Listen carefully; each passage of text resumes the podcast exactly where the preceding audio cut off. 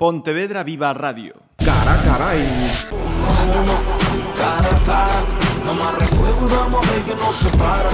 Cara a cara, frente a frente otra. Hola, ¿qué tal? Eh, Saludos. En este cara a cara hemos querido saber unos cuantos porqués de, de esas noticias que en los últimos días habéis podido leer en, en Pontevedra Viva, la presencia de zorros pues en, en plena zona urbana de Pontevedra. Me acompaña en el estudio de Pontevedra Viva Radio Enrique Valero, que es profesor de la Escuela Superior de Enseñería Forestal y aquí de Pontevedra y además como investigador también es un técnico en la materia que, que le ponemos sobre la mesa. Así que en primer lugar, bienvenido Enrique. Muchas gracias por invitarme y a ver si respondo a las expectativas de expertos. No nos queda ninguna duda, no nos queda ninguna duda. La presencia de, de zorros en, en entornos urbanos eh, de aquí de Pontevedra ya se había detectado en 2013 y, dos, y 2014, además de esta ocasión, lo cual no quiere decir que, que, los hubiera antes, pero conseguimos imágenes gráficas en esos, en esos momentos también. Así que eh, esta presencia es algo poco frecuente, casi excepcional, más frecuente de lo que podemos eh, de, detectar o poder pillar en algún momento? Hombre, bajo mi punto de vista es bastante frecuente, sí. Se da uh -huh. en muchísimos sitios. No es fácil verlos, no es fácil detectarlos, pero es mucho más frecuente de lo que la gente se piensa. Ajá. Eh, ¿Puedo preguntarte ¿qué, qué, tipos de zorros son estos que, que, que vemos, que se han pillado pues, en estas imágenes? Zorros normales y corrientes. Es Ajá. decir, hay una sola especie de zorro en España y en Europa. Y son zorros que por lo que se han encontrado aquí su hábitat, han marcado su territorio, por lo que tú dices, han encontrado aquí su territorio y su hábitat, tienen disponibilidades alimenticias, crían todos los años, con lo cual encuentran pues las cuatro claves, es decir, comida, reproducción, facilidad para criar a los, a los animales y refugio. Con lo cual se perpetúan uh -huh. un año detrás de otro. Eh, su, ¿Su entorno natural cuál sería o cuál es? Hombre, el hábitat del zorro es muy amplio y tiene desde el bosque profundo, digamos, hasta zonas casi mejores de ese hábitat, zonas de estas interfaciales entre lo urbano, lo agrícola, lo ganadero y lo forestal. ¿no? Uh -huh. Ese hábitat que tiene, pues, pues una variedad donde puede encontrar distintos tipos de alimentos a lo largo del año. Mm.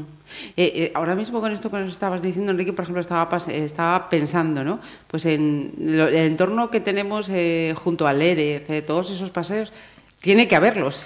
Claro, porque son hábitats favorables. Probablemente esa pareja de zorros aquí encuentra disponibilidades alimenticias tanto en el río como en la ría, y sobre todo como es un animal que come de todo y que cualquier cosa casi le sirve, desde las cerezas cuando caen o manzanas hasta Ajá. pues los ratones, es decir, o los insectos, come de uh -huh. todo. Pues aquí lo que ha encontrado es un sitio favorable donde encuentra pues disponibilidades alimenticias a lo largo uh -huh. de todo el año. Eh, quería incidir por ahí, ¿no? Vamos a conocer un poquito los hábitos de, de estos eh, animales. Eh, por ejemplo, eh, tengo entendido que, que se, se, aparean precisamente en, en, estos meses en los que estamos, enero y febrero. Eso es. Normalmente sí, uh -huh. y digo normalmente porque eh, hay, está habiendo unas variaciones muy significativas en muchísimas especies en las épocas de apareamiento. Entonces, en, en casi todo Centro Europa eh, esa regla es correcta. Normalmente enero febrero las hembras entran en celo porque acompasan la cría con la cría de las presas, por así decirlo, del resto de los animales. Entonces los depredadores siempre se adelantan un poquito, Ajá. de tal manera que cuando tienen cachorros pues puedan coincidir con la época de cría de todas las aves que nidifican en el suelo, con los mamíferos, etc. Uh -huh. ¿Qué pasa? Pues como está habiendo muchos cambios de clima, pues esa regla que ha habido durante muchos años está cambiando no solo en el zorro, sino en otras especies. Entonces es posible en los zorros que estén te teniendo en zonas favorables, no muy frías como estas, pues varios celos al año. ¿sí? Ajá. Eh, varios celos al año, o sea, entonces eh, pueden tener, no sé si la palabra correcta es camada, más de una eh, en, el, en el sí, año. Sí, sí, es correcta uh -huh. la Sí, porque si se dan las condiciones favorables de alimentación, de temperatura, etcétera, una vez que se crían y los animales, digamos, jóvenes, pues independizan, la la hembra puede volver a entrar en celo. eh, las- los animales jóvenes se independizan, es decir, cuando em, ya pasan de, ¿cuánto es? Eh, meses, ya se hacen independientes y comienza el ciclo. Sí, hombre, una camada, como tú muy bien dices, pues es, eh, digamos, la alimentación, cría y, y enseñanza de, de cómo se alimenta, cómo se depreda de los, de los hijos o de las camadas. ¿no? Una vez que empiezan a cazar solos y a ser independientes, los padres les expulsan de ese territorio para que se busquen uno nuevo y así se difunden por, por la superficie de- del espacio.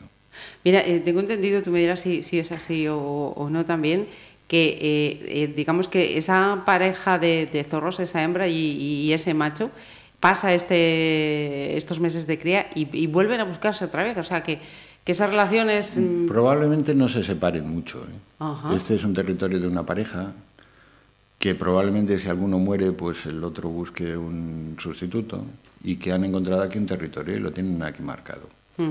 Con lo cual eh, es su territorio, tienen, lo, como he dicho, disponibilidades alimenticias, se crían bien, eh, tienen refugio, nadie les molesta, eh, o, o muy poco, ¿no? Ajá. Con lo cual, pues aquí persisten. Eh, La gestación es cortita. Sí, como todos los cánidos, como un perro normal y corriente, son unas cuantas semanas. Pero es corta, sí.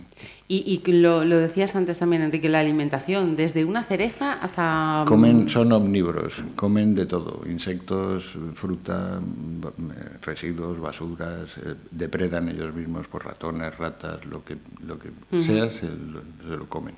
Es un animal que tienes que entender que está desde aquí o desde el sur, desde Cádiz hasta Finlandia o Siberia, entonces Ajá. Ha aprendido a alimentarse de todo. Ajá. Y, y el hecho de que mm, todas esas imágenes que, hemos conseguido estén ubicadas más o menos en el mismo sitio, entonces, también puede tener relación con, con esto, con la alimentación, por ejemplo, que se alimentan de, animales y el hecho de que hayan localizados, ¿no? Pues otros grupos de, de gatos en distintos puntos próximos ahí donde se encuentran que, que no se muevan de, de ahí. ¿Pero te refieres a que los zorros depredan sobre los gatos? Sí, sí, sí. ¿O sí. que hay No, que los zorros estén de- mm, eh, depredando, sería el verbo, vale. Sobre, sobre esos grupos de, de animales. O es. mm, Yo tengo muchas dudas, porque es un depredador depredando sobre otro, que, tie- Ah. que tiene dientes y uñas. Entonces yo creo que es mucho más fácil que ellos accedan pues, a ratas o ratones o, o residuos de comida, que hay muchísimos en los entornos urbanos, o el propio río, Lérez, o la propia ría. Ajá. Con lo cual es mucho más fácil alimentarse de eso que atacar a un gato, ¿no? Ajá, dale. Eh, me- el hecho que decías que sean, pues eso, eh, habitual, que puedan estar estos eh, animales en estos entornos eh, urbanos, te pregunto mm, si guarda alguna relación em, con una cuestión que, ahora mismo está sobre la mesa, ha generado un intenso debate a favor en contra, que es la caza de- de- del zorro. De, de qué manera el hecho de que haya caza de zorros eh, eh, incide pues, en el ciclo, en la presencia de estos animales? Vamos a ver, el, el abandono del medio rural y de las actividades agrarias tradicionales lo que ha provocado es un, que, que el medio rural se esté convirtiendo en un desierto y hay un cambio de hábitats. De los antiguos hábitats agrarios y ganaderos, pues se han convertido en monte y en terrenos abandonados. Eso implica que muchas otras especies han encontrado ahí un hábitat favorable, ¿no? entre ellos el zorro que además eh, antes, digamos tradicionalmente en el medio rural o periurbano, pues se reciclaba todo y se utilizaba todo, Claro. absolutamente. Ahora lo único que se hace es tirar las cosas a la basura. Y claro, esa basura lo que pone a disposición de estos animales y de otras especies es muchísima comida que antes no tenían acceso a ella. ¿Qué implica eso? Pues implica que efectivamente la población de zorros y de otras especies, jabalíes, lobos, etcétera, está subiendo de manera espectacular.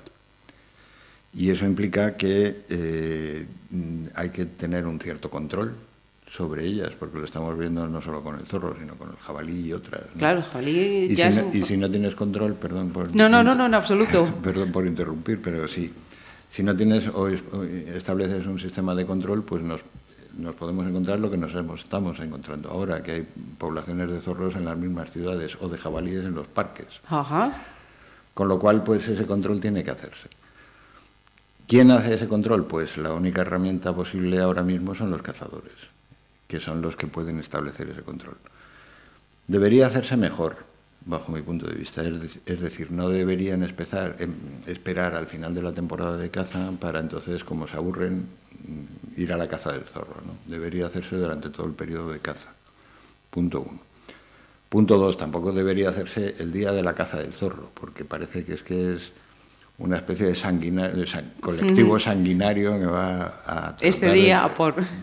No, es una labor de gestión del medio natural que debería hacerse a lo largo de toda la temporada de caza para tratar de reducir este tipo de poblaciones que se han disparado. Claro, porque ahora mismo estamos hablando, pues eso, de, un, animal, una pareja, en el caso de estos zorros, pero con los jabalíes es un serísimo, serísimo problema en muchos municipios de, con Galicia. El jabalí es dramático, no solo en esos municipios, en aldeas, en carreteras. Hay, nosotros en el grupo de investigación hicimos una investigación seria y que publicamos además de los accidentes de tráfico. Eh, son dramáticos los daños a la agricultura y ya casi te has acostumbrado a ver jabalíes en cualquier aldea o cualquier pueblo por la noche, cualquier día. Eso no es normal. Sí, y en grupos inmensos, además, aún, había visto recientemente unas imágenes. Claro, claro, y además es que la gente interpreta que son animales medio domésticos, etcétera. No, son animales salvajes y peligrosos. Y además portadores de enfermedades muy serias. Ajá. Eh, estamos hablando de zorros, estamos hablando de lobos, estamos hablando de corzos, estamos hablando de jabalíes. Em, son muchas eh, amenazas, no sé si es arriesgado utilizar esa palabra. Hombre, los corzos daños no hacen, y salvo que tengas un accidente de tráfico. Eh, los otros ya dan más problemas. El lobo ya no aparece tanto en las ciudades, pero se empieza a ver en, entornos muy próximos. En, Santiago de Compostela tienes lobos, en el municipio, o en los limítrofes. Y los jabalíes están apareciendo en cualquier sitio. Ya sabes que en Lugo están poniendo trampas en las propias murallas, en los parques para cogerlos. Entonces, claro digamos que las luces rojas eh, se están encendiendo incluso con sirena, ¿no? Aquí está pasando algo serio.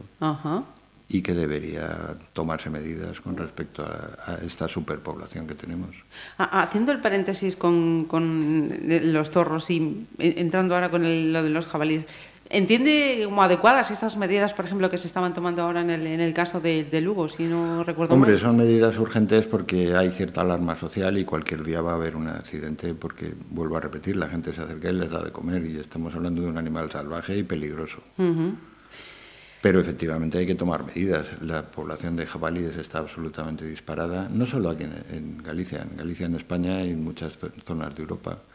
Y hay que establecer medidas de control para reducirla a niveles aceptables. Lo que pasa es que tenemos, ahora mismo enfrente un movimiento como es el animalista, que todo lo que suponga tocar un animal, pues... Mm. Me parece bien que tengan esa postura. Mira, yo por razones de trabajo, por mi profesión, por afición, etcétera, salgo prácticamente todos los días al campo. Jamás me encuentro, ni me he encontrado un animalista en el campo, ¿no? Si quieres entender de campo, pues tendrás que primero estudiarlo y luego visitarlo. ¿no? no es una cuestión de hacer daño a un animal, es una cuestión de que ese animal, por ejemplo, en la población de jabalíes, los daños por accidentes de tráfico son tremendos, en la agricultura, como he dicho, son dramáticos y que además son portadores de muchas enfermedades muy peligrosas, que además hay un estudio reciente de la Universidad de Castilla-La Mancha donde advertía seriamente del peligro de contacto frecuente entre jabalíes y humanos. Pero no solo es eso, es que el jabalí es uno de los factores más importantes que está provocando pérdidas de biodiversidad enormes en, muchos hábitats. Es decir, la, práctica esta extinción del urogallo es debido a los jabalíes, es decir, una población de jabalíes hace que la, la urogallina no se eche y si se echa le comen los huevos y eso pasa con las perdices y con casi toda ave que, nidifica en el suelo. ¿no? igual que decimos de las aves, podemos decir de los mamíferos. Es decir, una población de jabalíes de esta envergadura en, un hábitat natural lo único que hace es provocar unos daños tremendos a la propia biodiversidad. Ya no solo a los animales, a las plantas también. Es decir, tú paseas por el campo, por el monte, y ves prados levantados y ves cosechas deshechas, Ajá. ves daños en repoblaciones o en reforestaciones, etcétera. Es que están provocando muchísimo más daño de lo que se piensa. Entonces no es una cuestión de si estás de acuerdo o no que se maten animales, es una cuestión de una población problemática que tiene sobre el terreno y que hay que tenerla controlada. Ajá.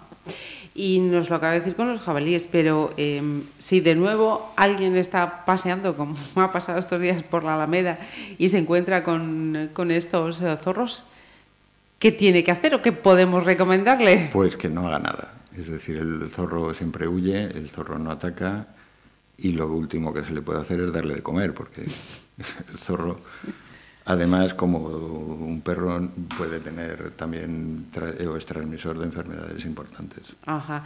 Eh, Enrique, estamos viendo entonces que estas, estas situaciones de las que estamos hablando, de una forma más o menos eh, eh, directa, sí que tiene responsabilidad en, en los seres humanos. Hay otros casos en los que la acción es muchísimo más eh, directa, eh, con consecuencias también muy similares.